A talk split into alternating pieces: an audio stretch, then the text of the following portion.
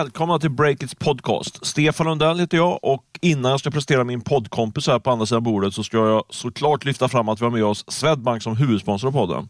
Vi jobbar med Swedbank hela året och förutom podden så kör de också webbinarium och eh, ska faktiskt göra en specialpodd med oss. Den kommer lite senare här i år, eh, men den är redan i produktion. Mer information om det senare, men eh, nu är det faktiskt hög tid för mig att säga hej till dig, Åsa Johansson. Hej hej! Hej hej! Hur är läget? Uh, nej, men det, är, det är hyggligt, helt okej okay, tycker jag faktiskt. Själv då? Jo men det är sommar, jag är glad. Ja. Klänningssäsongen är här. Just det, just Ja. det. Ja. Jag är glad. Det är mycket bra. Du, har, eh, du låter pepp. Det är mycket bra, mycket bra. Jag, nu kan jag inte säga mycket bra mer än du. Vi går rakt på. Vi, har, vi kan väl säga en lite kort intro. Vi, kör ju, vi, har ju upplägg med veckans möte, veckans snackisar och veckans köp och sälj. Jajamensan. Vi går rakt på veckans möte och det tycker jag att du ska börja med den här veckan. Yes! Ja, men mitt möte har varit med en person som heter Per Hedberg. Har du koll på honom? Jajamän, han träffade jag faktiskt i, eh, verkligen i begynnelsen av Breakers historia. Jag hade ett möte med honom. Han jobbar väl på KTH va? Eller? Nej? Nej Ah. alltså, jag, kopplat KTH. Ja, men det kan nog stämma. Han är grundare av inkubatorn Sting, Just det, precis. Yes. Den är kopplad till KTH, om om jag inte minns fel. Ja. om du inte minns fel. Och den här Per då, han gav sig in i tech och startup år 1999. Då var jag, var, skulle fylla sex år. Dålig timing får man säga. Precis innan, innan IT-bubblan eh, sprack där 2000. Sa han något om det eller? Ja, vi, du, vi pratade faktiskt om det här, jag ska komma till det. Ja. Eh, för jag pratade med honom för att han slutar som VD på Sting. Och det här är då en inkubator som tar sig an runt så här 35 nya bolag per år, så att de är verkligen busy. Men när jag pratade med honom så var jag verkligen så att det kändes som att jag fick en historielektion i tech och startup Sverige.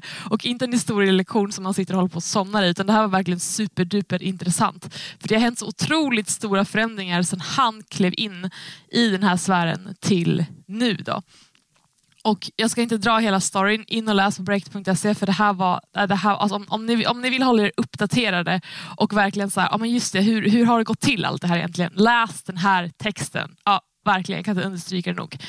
Men i alla fall, alltså, det började liksom från att det fanns en väldigt liten volym av startups eh, och tech till att eh, digitaliseringen på riktigt slog igenom och helt plötsligt så sänktes tröskeln för att starta bolag radikalt. Och sen så där runt, ja, men runt 2009 ungefär så började entreprenörer i större grad bli förebilder och det här tyckte jag var jätteintressant att han tog upp och verkligen tryckte på. Eh, och han lyfte fram Niklas Sennström, grundare av Skype, som ett exempel. Och man började liksom prata om bolagsgrundare som att ja, men de framstod lite som hjältar. Typ. Och att nej, sådana här personer verkligen har, har haft ja, men sån kraft i att driva fram startup och, och entreprenörskap. Och jag, jag tycker det är superspännande, helt otroligt. Men så, såklart så snackar vi lite om det tuffa läget som många befinner sig i nu, men han tyckte inte att det var så himla farligt. Han var så här, precis som du och jag snackade om förut i den här podden, så sa han så här, ja, men som entreprenör så är det ofta bra att starta i, i riktigt tuffa tider, för kommer man igenom det, då klarar man allt. Om man däremot skulle starta i en riktig högkonjunktur, och tyckte han att ja, men då kanske man glider in lite på en räkmacka och då när det blir tuffare då kanske man inte klarar sig. Så han tyckte att eh, det är bra att starta bolag nu. För då som entreprenör så blir du riktigt härlig. Vad, vad hittar han på nu? Blir han pensionär då? Hur gammal är han? Eh, Jag frågar inte hur gammal han är, men han ska vara kvar i, i eh, Sting och jobba som affärscoach helt enkelt. Så jobba Då kanske med deras... blir ledsen att han ska gå pensionär. Han, är kanske bara, han är yngre än mig kanske. Men eh, det känns som att han var några år äldre än mig och jag är ju riktigt gammal. Så ja, vi får se. Du är inte så gammal. Uh, ah, vad kul att träffa. Det var faktiskt länge sedan då som sagt jag träffade Per Hedberg, men det känns som att han är en, eh, en profil man... Just det, intressant att har det här historiska perspektivet också. Uh, Ja, men verkligen. Hela resan där. Bra möte. Eh, jag måste faktiskt erkänna att jag inte hunnit läsa den texten, så nu blir jag peppad att ska in och läsa den. In och läs. Ja, men först vi podda vidare och jag ska prata vidare lite grann om mitt möte. Jag träffade en kille som heter Mattias Ljungman. Vem är detta? Ja, jag träffade faktiskt Mattias, det känns lite gammal, jag träffar alla för många år sedan, men jag träffade honom när jag var korrespondent i London för typ 15 eller Har du varit 20 år korr i. London? Ja, i 7-8 månader, så det låter lite bättre än det. Men det, ja, absolut, jag var Coolt. Ja. Kan jag skriva på mitt CV. Ja. Och då var han så här up and coming kille i, eh, i Londons finansvärld kan man säga. Eh, och jag gjorde en intervju med honom och sen några år senare så hoppade han av och, eh, från det, det jobbet han hade då och drog igång Atomico, faktiskt med Niklas Zennström som du precis nämnde. Niklas Zennström ja. Atomica är ett av, Sver- ett av Europas största VC-bolag nu, eller, alltså riskkapitalbolag inom, inom venture och tech. Och nu då så ringde jag och snackade med honom igen och då han har hoppat av igen då från Atomica och dragit igång en egen eh, riskkapitalfond och fått in drygt en miljard. Men eh, det som jag tänkte plocka upp här i podden som jag tyckte var eh, faktiskt mest intressant från, från det, det samtalet, det var Vi, vi pratar ju sjukt mycket om AI hela tiden, skrivs mycket om Ja, AI. Eh, men han konkretiserar det på ett bra sätt. Och jag, jag, jag gav mig också inte när jag gjorde intervjun, jag ställde många frågor kring det här, hur det verkligen går till på riktigt. För de, de pitchar in det här att de jobbar på ett helt annat sätt jämfört med många andra VC-firmor. Okej, kan du beskriva hur då? frågar jag då. Mm. Eh, och jag tänkte faktiskt dra det, hur, hur de liksom lever. För det är ju en av de viktigaste grejerna när man jobbar som eh, eh, riskkapitalinvesterare, alltså hitta eh, casen. Det är liksom det som sourcingen liksom på det här deal flow som det kallas som. ja. Eh, och han beskrev, det, de gjorde så här, de har, de har en, eh, en super-AI, En en super-AI. så det var sånt han, jag sa det.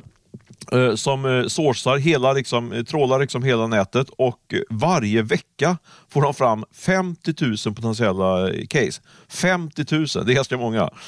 I veckan. Ja, jag vet, det är helt stört det. Men självklart då så, så sker det då en automatisk sållning. Då. Så de börjar med de här 50 000.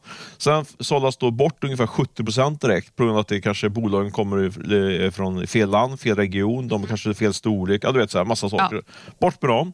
Eh, men sen då, det som jag kanske tyckte var mest intressant när de har kvar då, det var ett, eh, vad blir det? Eh, 7, 3 gånger 5, 15 000. Shit vad jag är dålig på urräkning. Vi säger att det är 10-15 000 case som är kvar. Och då kommer det som jag tycker är mest intressant. För då har, de, då har nämligen eh, Mattias och hans kollegor eh, skrivit fyra teser, fyra investeringsteser. Okej. Han gick inte in på vilka det var, jag vet inte, det kanske lite hemligt, men, vi, men låt säga att han tror på eh, foodtech. Att det är liksom, han tror att här kommer det hända någonting. Eh, och så har han skrivit eh, kanske 8-10 sidor om det, där han argumenterar för varför och liksom bygger upp det caset kan man säga. Så de har den textmassan, sen översätter de den textmassan till siffror. Så liksom varje ord får en siffra. Eh, ah, liksom, eh, food får kanske siffran 1 och så vidare. Okej. Så här har du liksom fyra, fyra teser som är liksom omgjorda till siffror. Sen så samkör de det med all information som finns på de där 15 000 casens hemsidor och det kanske är någon utav grundarna som skrivit någon rapport eller det har varit med i någon artikel. Så här. Samlar in allt det, eh, allt den fakta och, och, och eh, översätter även det, de, de texterna då till eh, siffror. Sen samkör de det och ser om det finns liksom en likhet då mellan de här olika siffrorna. Liksom. Är du med? Nej, det här översätta till siffror. Nej, nej. Nej, men alltså de, eh, de tar, översätter eh, teserna eh, som är massa ord till siffror. Så då får, du, då får du siffror på ena sidan. Men finns det något värde i de här siffrorna? Nej, Eller? utan det är bara nej, ett okej. sätt att Ja. liksom, identifiera liksom, vad, vad som står i texten Okej. fast de har si, eh, siffror. Och sen då i, eh, på alla de här bolagens, framförallt hemsidor, då, så titt, översätter de hela de hemsidorna och ser om det finns liksom en, eh, en likhet, då, alltså om, det, om det matchar varandra. Okej. Och På det sättet så får de fram ett, ett hundratal bolag där de ser liksom att de, de här har ju skrivit jättemycket om foodtech och har massa spännande idéer om foodtech liksom, kan de, kan, via, de här, via den här matchningen. Då. Eh, och sen, först då, då, då, när de har de här 100 casen på en vecka, då, då går de igenom de här casen. Då går, upptäcker de att de, många av de här casen, nej, men det är helt orelevant, det här, de, de är fel ute. Och Men så. då går de igenom dem, alltså det är en människa som går igenom Ja, dem? då kommer en människa in liksom och tittar liksom och gör en bedömning. Och Så sållar de fram då ett antal case som kanske är intressant att ta, och ta vidare med samtal och så. Och Mattias berättade för mig att eh, i de investeringar de har gjort, jag tror de har gjort ungefär 50 investeringar. I hälften av de fallen så är det faktiskt så att det är via AI då som casen har kommit in. Det hade de inte hittat, annars, annars är det vi, traditionellt via ett nätverk. Då. Tyckte jag var väldigt intressant. Alltså hur det kan gå Verkligen. konkretiserat då. Så att de här 50 000 casen i veckan, de sållas ner till 100 och därefter så går man igenom dem helt enkelt. Ja, då, sätt, då sätter man in mänsklig kraft. Liksom. Ja. Så han menar liksom att eh, det här var ett sätt liksom, att få mycket större bredd på skanningen utav case och eh, spara massa tid också, för de Ja. slipper göra den här sourcingen själva. Då. Men då, följdfråga på det. Mm. Hur länge kan de göra så här? För om du tar 50 000 case i veckan, alltså hur många case finns det? Bra fråga som jag glömde ställa. För vet du vad, jag tänkte faktiskt ställa den frågan innan, innan jag ringde. Tänkte jag, hur många bolag finns alltså sådär. Men, Ja, det kommer nej, nya hela tiden jag passar på den såklart, frågan, men jag glömde fråga faktiskt. Men det kommer nya hela tiden. Och sådär. Så uppenbarligen så finns det, än så länge finns det, och du och jag startar ju ett nytt bolag snart. Liksom, och sådär, du vet. kommer nya bolag. Vad är det för bolag? Jag vet inte, vi får se. får Har du någon idé? Det vore lite kul kommer bli- utveckling på podden, att vi drar igång ett eget. Det kommer bli unicorn. Ja, ah, kanske. Men det ska vara ett kul bolag. Det är det viktigaste. Men du, jag tycker att vi rullar vidare till våra snackisar. Absolut. Och en av veckans stora snackisar är ju definitivt spelentreprenören Lars Wingefors mardrömsbesked, får man, man väl ändå kalla det. Det kom ju tidigt på onsdagsmorgonen för hans eh, bolag Embracer. Då gick han ut och berättade att en affär värd över 50 miljarder kronor gått upp i rök. Säg det en gång till. 50 miljarder, det är helt sjukt 50 miljarder kronor. Usch, ja. Det här var en affär som eh, Lars Wingefors tidigare flaggat för att det var på G och eh, ja, investerarna blev ju såklart livrädda när beskedet kom att nej, det blir inte av. Aktien föll med runt 20 miljarder kronor. Så det är otroliga värden som gick puff, rakt upp i rök. Och eh, ja, du Stefan, du var ju faktiskt lite skakad när du kom in här på redaktionen igår, eller hur? Ja, men faktiskt. Jag, jag tog en liten sovmorgon till, eh, till, eh, jag tror till halv åtta och tog, öppnade upp min mobil såklart, som man gör på morgonen och såg, såg detta. Och Sen gick jag in ganska direkt på och lyssnade in på DTV som hade en intervju med Lars Wingefors. Eh, det var helt sjukt alltså. alltså det var ju, han har ju liksom eh, förhandlat då i, i sju månader i den här affären. Flera hundra personer inblandade. Alla avtal är klara för signing. Allt är liksom klart, klart, klart. Ja. Och verkligen inga jämförelser, men eh, vi gjorde ju också en affär som vi berättade om förra podden. Ja. Så jag vet ju liksom hur mycket admin, hur mycket, ja, jag pratade mycket om det då, men när väl avtalen är klar, då är man verkligen superklar. Liksom. Det är bara att signa. Ja, men liksom, jag kunde verkligen se det framför mig när de beskrev det här. Och sen då så ringer köparen natten innan de ska presentera rapporten och säger bara nej det blir ingenting. Alltså, jag, jag kunde verkligen leva mig in i Lars Wingefors eh, panik när han får det beskedet. Då. Och sen så lyssnade jag på, lyssnade in då nästan direkt efter att jag gått upp på morgonen där och på den här intervjun med, med, med DTV. Liksom. Och jag kände verkligen att han, eh, han var helt sänkt eh, och var, han var så så, han, du vet, han, han har inte superkarisma, han är ganska så stabil värmlänning och så. Liksom, så där. Men han, det, jag, jag, har träffat honom och vet liksom hur han är normalt sett. Liksom. Såg verkligen hur sliten och trött och ledsen han var för det här. Liksom. Så jag drog eh, Uh, jag har en viss uh, relation, han har ju faktiskt investerat lite grann i breaket, han äger typ en halv procent eller någonting. Ja. Så vi har ingen djupare, men liksom, vi har haft en, en lite mer relation än, än journalistiskt då. Så jag kände verkligen med honom, så jag skickade faktiskt iväg ett uh, sms direkt efter att ha hört klart den här intervjun med IDT, liksom peppande lite grann. Men, men han, ja, han var tuff, tufft för honom helt enkelt. Du, alltså du, det känns lite som att du, du känner verkligen för Lars Wingefors här. Men jag tänker lite så här, för att vara djävulens advokat. Ja klart det är, måste varit super mega jobbigt. Men ska man verkligen tycka synd om en miljardär och makthavare som Wingefors? Ha, alltså, han har väl ett ansvar för det här? Jo, men det har man. Det var intressant, för just när jag, sen när jag rullade, in, rullade vidare och kom in på redaktionen, eh, då hade jag precis det här i mig. Liksom, precis det jag beskrev till dig nu. Herregud, vilken, vilken mardröm. Vad, tråkigt, för, synd. Jag, liksom, verkligen, så, jag sa, sa till er, liksom, jag vet inte om du var inne då, men Martin Hävner, börsreporter, var ju, satt ju där inne på redaktionen. Jag berättade att jag hade messat honom och sådär. Ja, jag hörde att ni gnabbades lite. Ja, men precis. För, han, för Martin Hävner är ju en cynisk och kall människa som du vet. så han, sa ju, han gick ju på att äh, men det är, han, det är liksom total förtroendekris och det är därför han tar liksom, som miljardär att, eh, att man får hängas ut. Jag hårdvinklar Martin lite grann, men lite så tror jag att han håller med att det var. Och eh, objektivt sett, så, om du ska gå tillbaka till din fråga, så, så är det klart att Martin har rätt. Alltså, det, han, har ju en sån, han är ju en supermakthavare, Wingefors. Han har, det är över 100 000 aktieägare i Embracer och eh, han har ju varit ute och pratat om det här avtalet, att, att, det ska komma.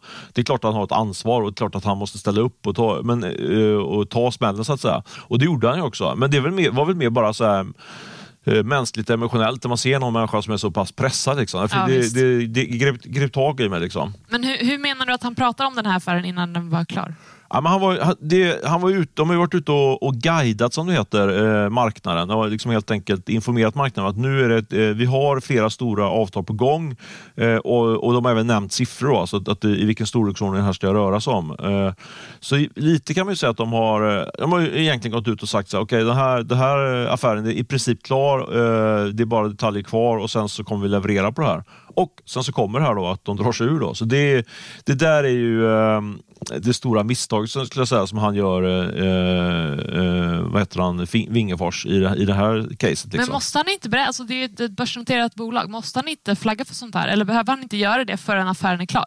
Ja, men jag tror att det är faktiskt lite att man kan välja lite grann. Och han pratar ganska mycket om det i, eh, i så kallade conference-kodet med analytiker och sådär. Liksom. Ja. Och, och att eh, eh, De har anlitat många rådgivare kring det här och fått, fått, eh, fått liksom, eh, rådet att de ändå ska gå ut och guida. Men du har helt rätt i att det är inte helt solklart. Liksom. Det, för jag menar, men det blir ett dilemma där, för han berättar om det själv också. att eh, Ponera att han inte sagt någonting, att han vet att han har en affär på gång på 50 miljarder liksom, som, det, Ja. som det här var på under flera år. Det är en jättebra nyhet liksom, för aktiemarknaden. Eh, och då kan han kanske köpa på sig mer aktier, Norralls styrelse köper på sig mer aktier. Då, då kan det bli den problematiken, varför sa, berättar ni inte om det här tidigare? För det Ja, här, visst. den här informationen. Ja. Men å andra sidan, då, om man inte levererar på det här då, så blir det en katastrof. Som här, Ja. Aktien är 40 procent Ja. igår.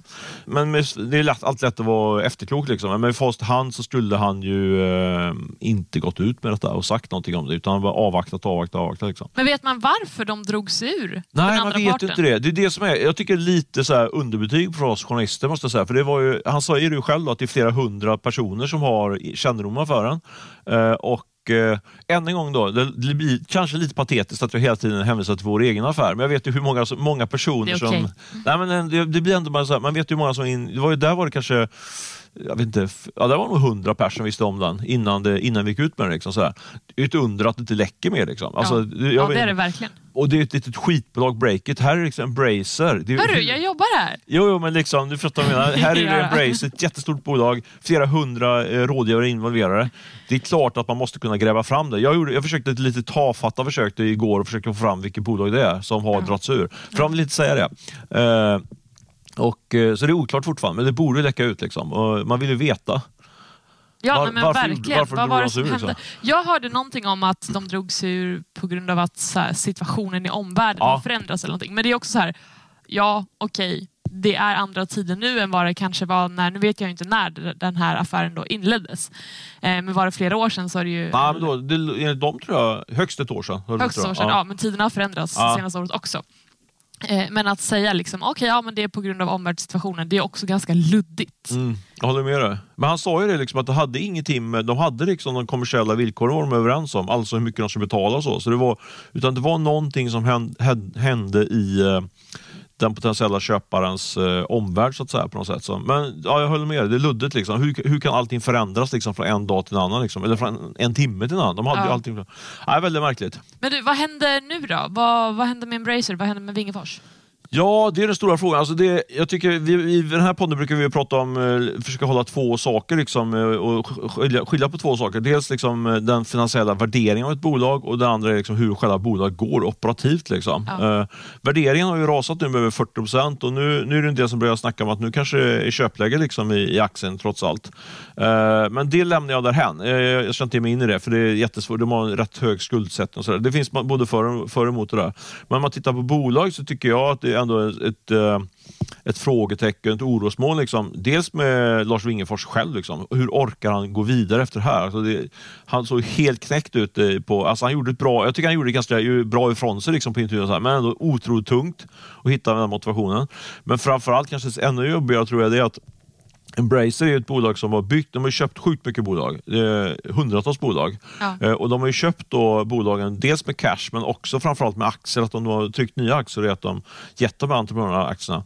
Eh, och nu är aktierna nere i källaren eh, och hur, an, hur motiverad är man som entreprenör att jobba vidare när man ser att värdet på, det, på sitt bolag har sjunkit så mycket.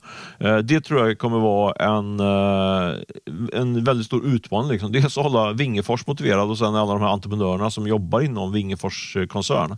Eh, och sen då på, lägga på det på att eh, skulderna är rätt höga. De har, jag tror de har 12-13 miljarder i skulder och ska, de försöker trycka ner de skulderna. Men det, det är fortfarande eh, rätt tung, tung skuldbörda. Alltså. Men en positiv sak i alla fall i den här, eh, i den här härvan. Vet du vad det är? Berätta.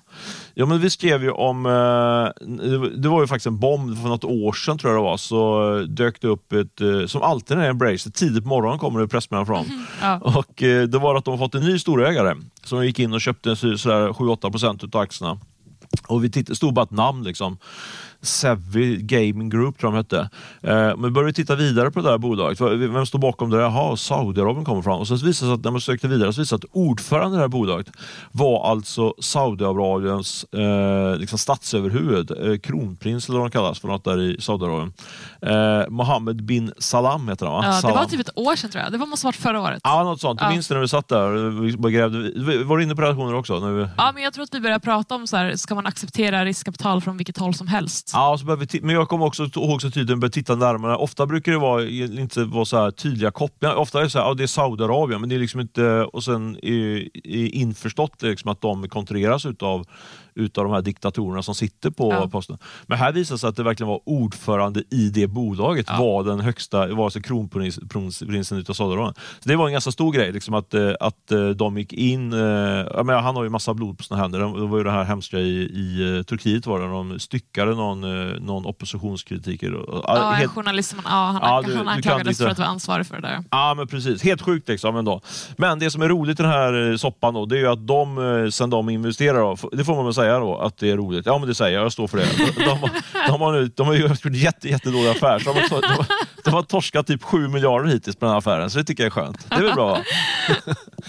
Ja, skönt att du kan se det positivt. Här. Ja, det är ändå så. Eh, Ja, men det, för det måste, jag ändå, det måste jag ändå säga, att, eh, när det dök upp så tyckte jag att det var att ta in sån, den typen av ägare, det var ju, eh, ja, då följer lite grann eh, Wingefors-glorian eh, på sned sådär. Men, eh, och jag, jag såg det lite grann som att det, det här är lite halvdesperat liksom, att plocka in såna ägare.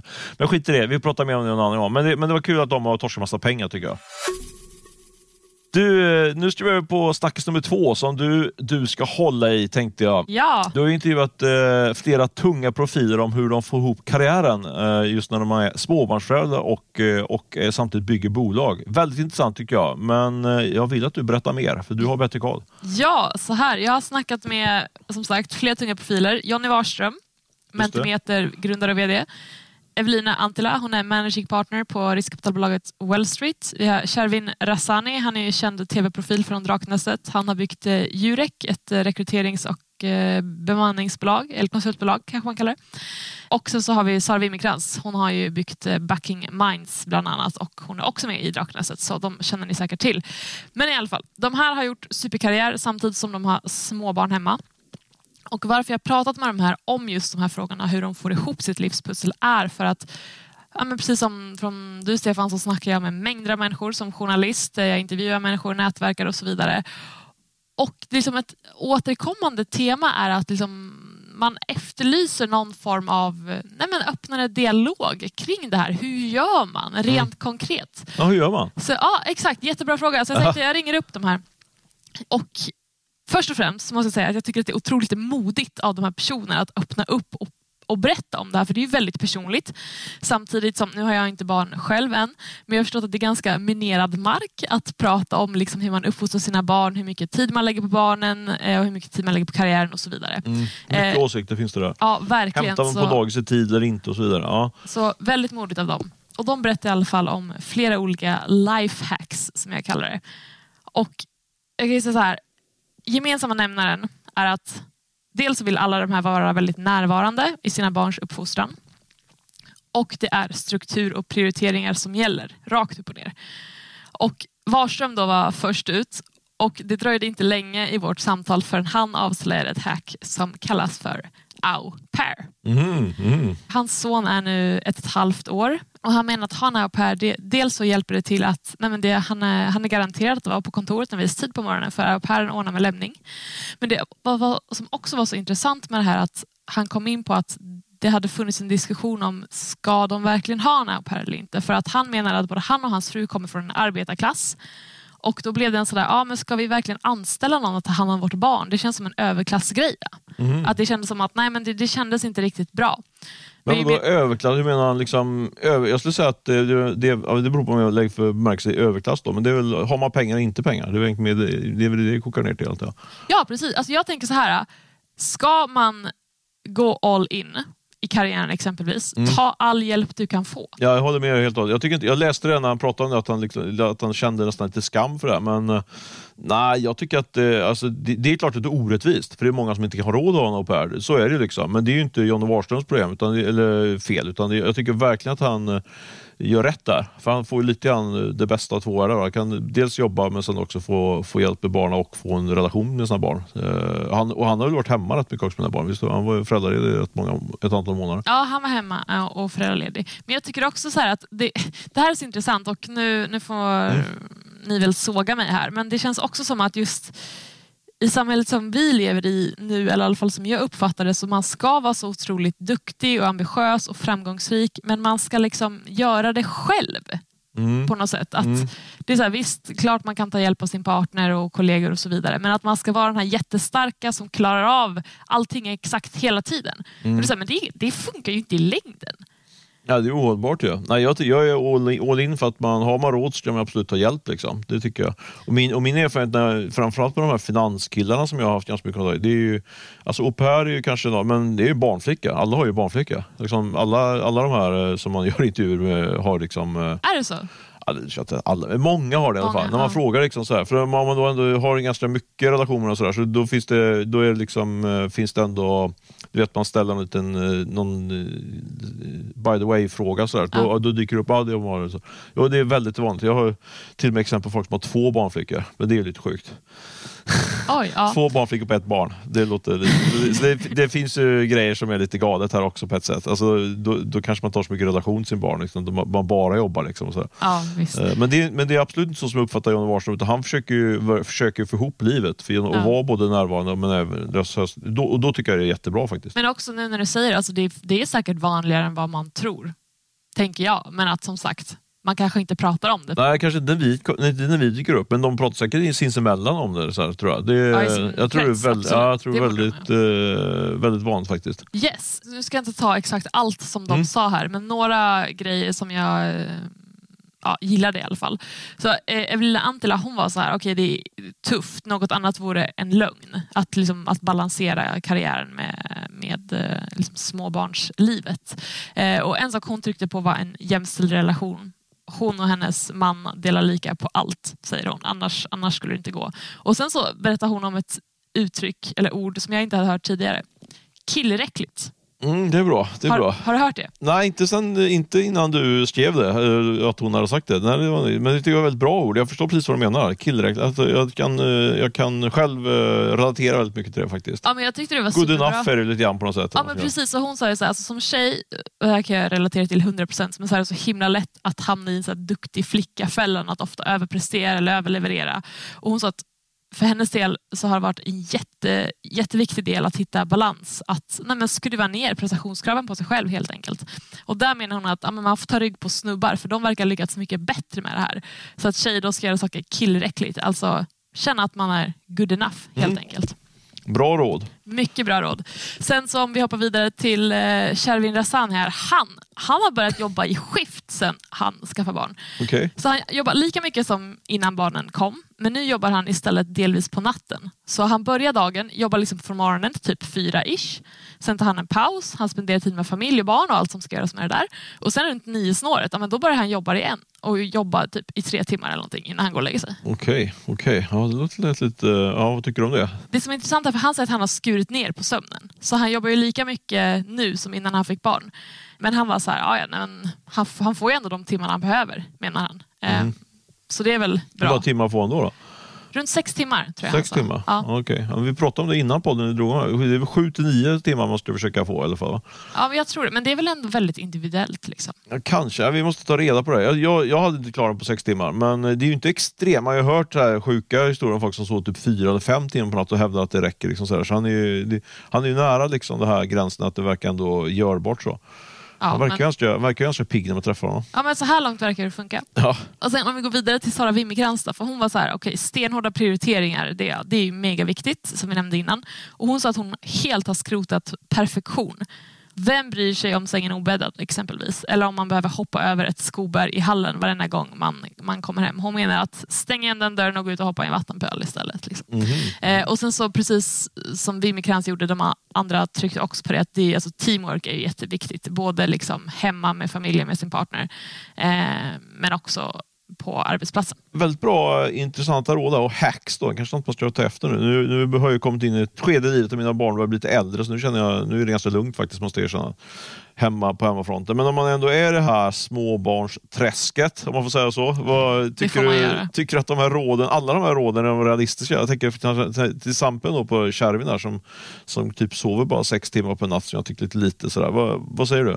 Alltså, man ska säga, det här är ju inte råd som är så här, det här funkar på alla.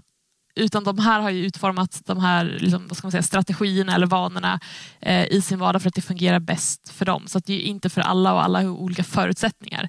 Eh, och ja, igen, jag är inte förälder men jag gissar att man får väl helt enkelt hitta det som funkar och testa sig fram. Ja, men så är det ju verkligen. Men en sak till som jag, tänkte, som jag reagerar på när jag läste texten, som jag tyckte det skulle vara kul att du utvecklade lite grann. För de, alla de här, nästan alla de här är ju också investerare i någon bemärkelse. De gör investerar med sina av och sådär kanske. Ja. Eh, och du pratar ju också om deras syn på, alltså när de är i sin roll som investerare och får eh, grundare som ska pitcha på dem. Eh, och sen så är det kanske en ute i grundarteamet då som, eh, som redan i pitch-ögonblicket eh, flaggar för att snart ska han eller hon vara föräldraledig. Vad, alltså, vad, vad sa de om det? Hur, hur, ser de på det? Liksom? Eh, på den då, inom situationstecken, risken? Nej, men alltså, det är klart att, att det finns förstås utmaningar eftersom att grundare är otroligt viktiga i ett bolags tidiga skede. Men ekvationen går att få ihop. Så absolut, de vill investera. Nu ska jag inte dra alla över en kam här, men kontentan är att absolut, eh, vet man att en grundare ska vara föräldraledig, det är inga problem. Om det finns andra personer i teamet, så finns det en person, ja, men då kanske det är ja, lite svårt. Det, liksom. Då går det väl nästan inte, eller? Men Wimmerkrantz sa bland annat det, att det är en jätterisk för investerare om det bara finns en eller två på hela företaget som kan ta ett helhetsansvar. Så alltså föräldraskap brukar vara en bra möjlighet för att minska det här riskfyllda personberoendet i scale-ups, då, säger mm, hon. Mm. Och absolut, det köper jag. Eh, men som sagt, är det bara en enda människa i bolaget, då är det klart att det är svårt att och investera för då finns det ju ingen som kan göra jobbet. Nej men precis. Jag tyckte det var intressant när du, när du, du skrev och de resonerade om det där. För jag har ju själv här i podden varit ganska så här herregud, man fattar att de inte investerar om, om, den ena, om någon ska få barn liksom, samtidigt. Sådär. Så därför tycker jag det var intressant att de sa som de sa. Jag tänkte, aha, kanske jag, jag tänker fel här kanske. Men samtidigt då när vi läste vidare så var det ändå om jag tolkar rätt, om det är ett team på tre och så är det en som är höggravid till exempel. Ja. ja. men då är de på. Men om det skulle vara en höggravid person i, i rummet, ja, men då är de mer tveksamma. Liksom. Ja. Så jag står nog kvar vid min eh, ståndpunkt som jag har sagt i tidigare poddar, som ingen kommer ihåg. Som är? Nej, men som är liksom att om du har två entreprenörer som pitchar och den ena är gravid, då förstår investerarna att de inte ska investera. Men det säger ju inte de då, utan då säger de att men kör säger de då, om det är rätt team. Då. Ja. Så jag kanske får revidera min åsikt ändå. Ja. ja, uppfriskande. Ja. Men också, så här, för det, det pratades också om, så här, för att det finns väl en, ja, men lite vad man kan kalla för ja, men myt som de ville sticka hål på. Det är ju det här att man som entreprenör ska jobba exakt, exakt hela, hela, hela tiden. Det finns inte rum för någonting annat. Och det är så här, vem är intresserad av att jobba varenda timme, varenda minut av alla veckans dagar? Och det, alltså, visst, det kanske är skönt att göra det någon gång ibland, mm. men det är ju inte hållbart i längden. Så de menar här att man ska skrota föreställningen om att, att jobba hela tiden och att det inte finns eh, tid för någonting annat i livet. För det skapar en, en farlig obalans. Och alltså, vem lockas av det egentligen? uppfriskande tycker jag. Uppfriskande läsning och, och få det här. För det här är ju verkligen personer som, eh, som inte står, står liksom på sidan och påstår saker utan de är ju mitt i det och, verkligen, och lever ju liksom utifrån det de säger. Så, så det, jag tycker att det var en eh, väldigt bra genomgång och lite faktiskt... Eh, jag fick ett nytt perspektiv när jag läste den. Så jag tycker verkligen att ni ska in och läsa den där artikeln om ni inte har gjort det. Den ligger snart på breakit.se. Men du, nu rullar vi över direkt ja. här i veckans köp och sälj. Det gör vi. Uh, ska jag börja med köpet? Det tycker jag, när jag har pladdrat på här. Ja, det är ingen fara, det har varit helt superintressant. Uh, du, jo, jag har faktiskt en uh, riktig sån IT, internetveteran kan man säga. Christer Sturmark. Vet du vem Christer Sturmark är? Svar nej. Det är intressant här på redaktionen. Det är alla under 50. ingen, ingen under 50 känner till Christer Sturmark. Så hur många är över 50 på den här redaktionen? Ja, typ, jag, jag, tror faktiskt att det verkligen var så att jag var nästan den enda som kände till honom. Nej, men han är faktiskt, han var i, i det som vi varit inne på tidigare lite grann, tror jag, i, kring IT-bubblan där. Eh, en som definitivt känner till honom det är ju ditt möte, Per Hedberg. Han ja. känner till Hur som helst, eh, Christer Sturmark var faktiskt en av de här galjonsfigurerna i den förra IT-håsen med du vet, eh, Jonas Birgersson och Johan Stahl från Holstein och, och hela det här gänget. Men då, eh, då var han liksom steget efter lite grann och var en av de som, som drev igång, det var ju väldigt hett med eh, så här, internetkonsulter, det var det som var det heta då. Ikon Media Lab, Spray och så vidare. Men han drev något som heter Cell, startade han. Okay. Och Eh, jag ringde Chris Sturmark av en, en annan orsak, men det var bara att dra en ändå rätt kul story kring Cell Networks, heter de. Eh, de noteras på börsen, eh, typ 98, 99 och sånt där. Och Eh, sen så var det så att eh, Sturmark blev osams med, med styrelsen där. De tillsatte en ny VD som han tyckte var helt fel. Nej, den här killen ska vi ta på, på VD-posten. Så då tackade Christer Sturmark för sig och sålde alla sina aktier i slutet av 90, 1999. Okay. Fick ut över 100 miljoner kronor. Och sen då, vad hände 2000? då kraschade det. Liksom. det, finns, det fanns inget värde kvar. Det var nästan så att de var konkursmässiga de här Cell. Så han hade extremt flyt liksom, med, med timingen. Sålde precis på toppen. Eh, fick loss massa pengar på grund av att han då hade andra åsikter än, än eh, styrelsen. Ja. Och eh, sen gjorde, ja men visst var det trevligt för honom. Och sen så förverkligade han faktiskt en, en dröm som han haft och det var att dra igång ett bokförlag. Och det var därför jag ringde till Christer Sturmark, för han driver något som heter Fri Tanke förlag nu. Och han ska ge ut en väldigt spännande bok, nämligen eh, Walter Isaacson. Så han är en riktigt tung amerikansk journalist som gjort en supertung granskning av Elon Musk. Oj. Så i september, tror jag 15 september, så kommer det bli så här världslansering av den här boken och då kommer Eh, Christian Sturmarks förlag ger ut den på svenska. Så det var det jag ringde och pratade med honom om. Uh, och Han gav lite inblickar också i... Uh, han har läst boken. Det, det är ju liksom supersekretess på det här, så han kunde, inte, han kunde gå in på detaljer. Man kunde ändå prata liksom lite mer generellt om det. Det handla, kommer handla väldigt mycket om Elon Musks uh, uppväxt i Sydafrika. och Han hade tydligen en riktigt hemsk far. Mycket våld inblandat där. Och Sturmark sa att det förklarar en del om hur, eh, var, eh, varför Elon Musk är man är. Det där är en bok som jag kommer läsa när den kommer eh, i ja, september. Ja. Helt klart. Så jag sätter köp på Sturmark. Han köpte, köpte in rättigheterna till den där boken för, enligt mina källor, eller inte, jag har inga källor på det, men folk spekulerar som har bra koll säger att han nog betalar ungefär en halv miljon till en miljon för att få rättigheterna till boken i Sverige. Yes, min, det var min köp. Lite lång, lång utläggning där, men jag tyckte det var lite kul story ändå om honom. Spännande. Mm. Min köp är på podcast. Podcast, Väldigt, ja. väldigt generellt så för att Mediavision har släppt en rapport som visar att svenskarnas betalningsvilja när de kommer till poddar har ökat vad som kallas explosionsartat av oss här på Breakit. Aldrig tidigare har svenskar betalat så mycket för poddmaterial som under årets första tre månader. Och Det handlar om en fördubbling på ett år. Mm otroligt va? Särskilt nu när man hör överallt att ja, men nu kanske man säger upp typ, ja, men streamingtjänster och så vidare. För att... Nej, men, ja, det stämmer. Jag, man ska alltid köra anekdoter som fakta. Jag, här på vägen in till jobbet så eh, betalar jag för en podcast. Nej men du ser. Ja snett inåt bakåt. Men vet du vad? De måste få ordning på... Nu är jag i och för sig en teknisk idiot, men eh, jag, jag har liksom pröjsat för den där podden och höll på hela vägen in till jobbet och försökte få igång prenumerationen. Jag har fortfarande inte lyckats, så det kommer sluta med att jag får gå upp och fråga Tobias Blixt, vår, eh, vår eh, tekniska geni här på redaktionen. Rätt dålig konverteringsgrej ändå. Liksom. Man vill ju att det bara ska vara ett klick och sen så är man igång. Liksom. Ja, de kanske jobbar på det. Eller så kan man Tobias visa dig att oh, det var så här du skulle göra. Ja, precis. Men konverteringen måste bli ganska dålig med tanke på att inte ens jag lyckas. Ja, ja, ja. men eh, så det stämmer ju faktiskt att poddar är heta. Poddar är superheta. Du har någon sälj att bjuda på också? Det har jag och den här veckan sätter jag sälj på ingen mindre än Isabella Löwengrip. Mm, den gamla klassikern. Ja. Yes, så vi shoppar ju allt mindre hör man överallt. Jag utom jag som det... köper poddar. Ja, du, jag märker att jag har dragit ner eh, ganska ordentligt också. Är det så? Ja, men eller jag brukar inte köpa grejer ändå, men eh, ja, nej, jag skulle inte säga att jag shoppar så mycket. Nej. Eh, och det har ju, ju snackats en hel del om i media att, att medelklassen har lekt lite överklass och så vidare när det har varit goda ekonomiska tider. Mm. Eh, men är det verkligen överklassen som medelklassen vill vara som? Det har ju SVDs kulturchef Lisa Irenius eh, eh, snackat eller skrivit om och säger att det är snarare en influencerklass som stått modell för hur livet ska levas.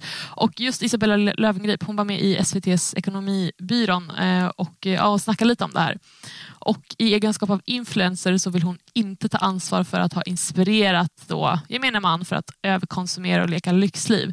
Men här tänker jag så här, ja, nej, det är klart hon, hon eller influencers inte har ins inspirerat exakt alla till det här. Men väldigt många va? Ja, men jag tänker alltså här, alltså influencers, de har ju väldigt mycket inflytande. Så jag Ja. tänker att nej, alltså hon, hon har nog mer inflytande än vad hon tror i den här Ja, det var ju superlöjligt tycker jag. Men hon har ju tagit massa betalt för att göra den typen av eh, reklaminlägg. Liksom. Det, då, då säger hon indirekt att det inte gett någon eh, effekt överhuvudtaget hennes eh, alla... Exakt. Så att, Ja. ja. nej, där sätter jag sälj på löpgrip. Vad har du för sälj? Jag sätter sälj på lite grann samma sak där, men på, jag sätter sälj på Elon Musk. Eh, och varför sätter jag sälj på Elon Musk, eh, Tesla-grundaren? Jo, det är för att kunna berätta en liten rolig anekdot som jag hörde om honom i veckan faktiskt, som har tydlig svensk koppling. Mhm, låt höra. Ja, men det var så här att eh, Spotify skulle installeras i alla Tesla, Tesla-bilar. Eh, Okej. då fick, eh, och då tänker jag tänk, i liksom, själva eh, namnet Spotify som skulle synas då liksom på, på display och annat i, i bilarna. Då sa Elon Musk, fick han för sig att han skulle sätta två prickar över o i Spotify, så det blir Spotify. Spotify. Spotify. Han fick bara för sig det, och det, men då sparkade Daniel Ek faktiskt personligen bak ut och de hade diskussioner om det här i ett år innan eh, faktiskt Elon Musk till sist fick vika ner sig. Så nu står det Spotify, inte Spotify då i, i Tesla-bilarna. Men jag tyckte ändå var roligt. Det säger en del lite grann om Elon Musks eh, kynne, liksom, att han lägger ner så mycket tid på en sån eh, petitess som är ganska löjlig också egentligen. Men, va- Samtidigt lite roligt kan jag tycka att han, att han tog strid om Elon Musk. Ja, ja, det, men varför vill han ha ett, då ett ö? Bara för att försvenska det? Eller? Eh, Det, det framgår inte av historien faktiskt. Han fick bara för sig att det skulle, jag tyckte det var coolt eller det skulle vara kul att de har det. Eh, Det, det vet jag faktiskt inte. Det, det, det, det var bara så att han, han ville att det skulle vara så. Men man kan väl bara spekulera i om att han, ja jag vet inte, göra det mer svenskt, försvenska det kanske. Men vet han ens Perhaps. om att det finns ö i Sverige? Jag vet inte. Ingen aning. Så vi säger sälj på något sätt eller kanske köp på Elon Musk. Du får välja själva. Ja, det är öppet för tolkning. Grymt! Men du, ska vi säga någonting mer eller känner vi oss klara för veckan? Vi ska säga en sak till är viktig. Vi har med oss eh, Swedbank som vår huvudsponsor. Det tackar vi mycket för, att de är med och stöttar podden och vår journalistik. Men i övrigt så kan jag bara säga tack och hej och så hörs vi om en vecka. På torsdagar Vi tre slänger vi ut podden. Yes, det gör vi. Och alla ni som lyssnar, hör av er. Jag vill göra en uppföljning på det här eh, reportaget om hur man får ihop karriären som småbarnsförälder. Så har ni inspel där får ni jätte, jättegärna kontakta mig på asaatbreakit.se. Och har du torskat en massa pengar på Embracer så kan du höra av dig till mig och rasa för att jag ändå känner medlidande med Lars Wingefors. Gör det. Vi hörs. Ha det bra, hej hej! Hej hej!